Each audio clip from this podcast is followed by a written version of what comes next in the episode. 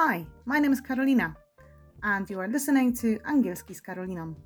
Sponsorem podcastu jest FluentBee, najlepiej oceniana szkoła angielskiego online.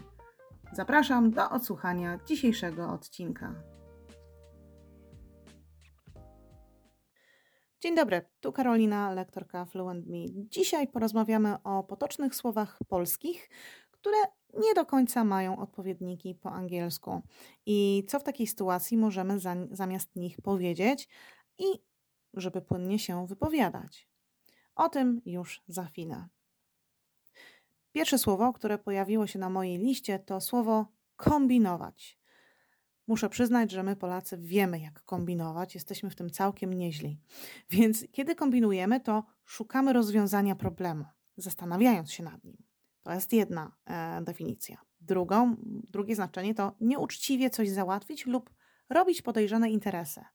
Taka jest druga definicja. No i jak to teraz powiedzieć po angielsku?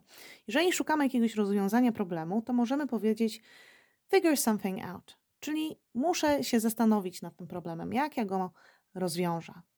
A to nieuczciwe załatwianie bądź robienie podejrzanych interesów to be up to no good, czyli robimy coś, co źle, źle, w złym świetle e, będą nas postrzegać. Czegoś tego nie, e, ktoś nie będzie tego pochwalać.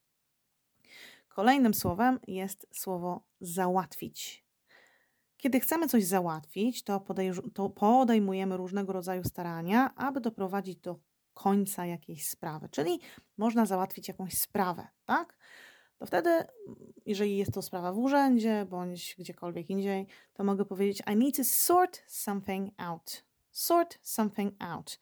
Bądź to take care of something, czyli dosłownie czymś się zająć, tak? Coś załatwić.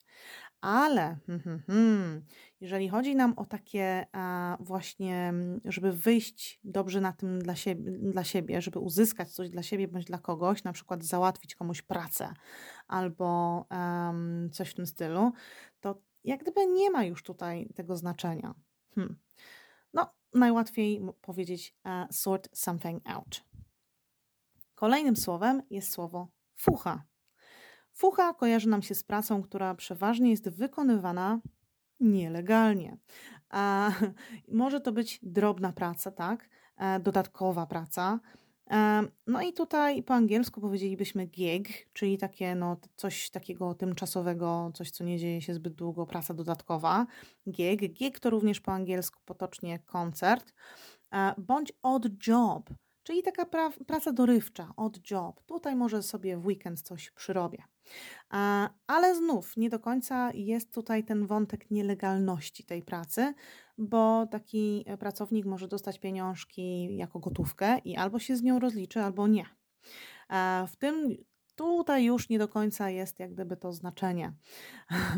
ok, kolejnym słowem e, to słowo cwaniak. No w sumie cwaniak dobrze wie jak kombinować, jak coś załatwić, może nawet wykonuje jakieś fuchy.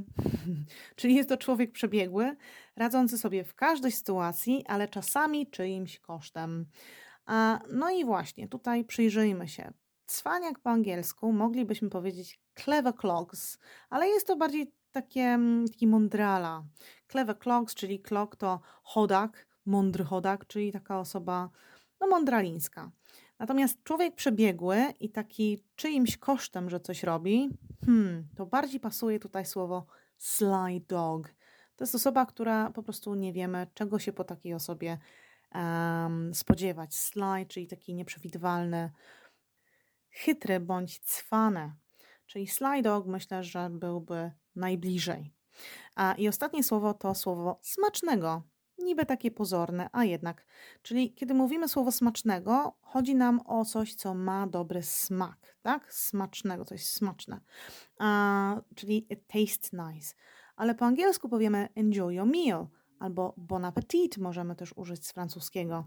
Ale nie do końca jest to to samo, bo cieszenie się z posiłku jest czymś innym niż smakowanie. Zobaczmy, co Państwo zapamiętaliście. Jak powiemy, ale z niego cwaniak. He's such a Sly dog. Mhm. A mam dzisiaj fuchę do wykonania? I have an odd job to do. Dziękuję Państwu za uwagę. Do usłyszenia wkrótce.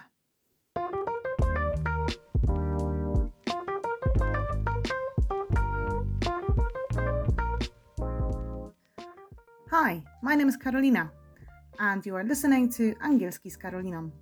Sponsorem podcastu jest Fluentbe, najlepiej oceniana szkoła angielskiego online.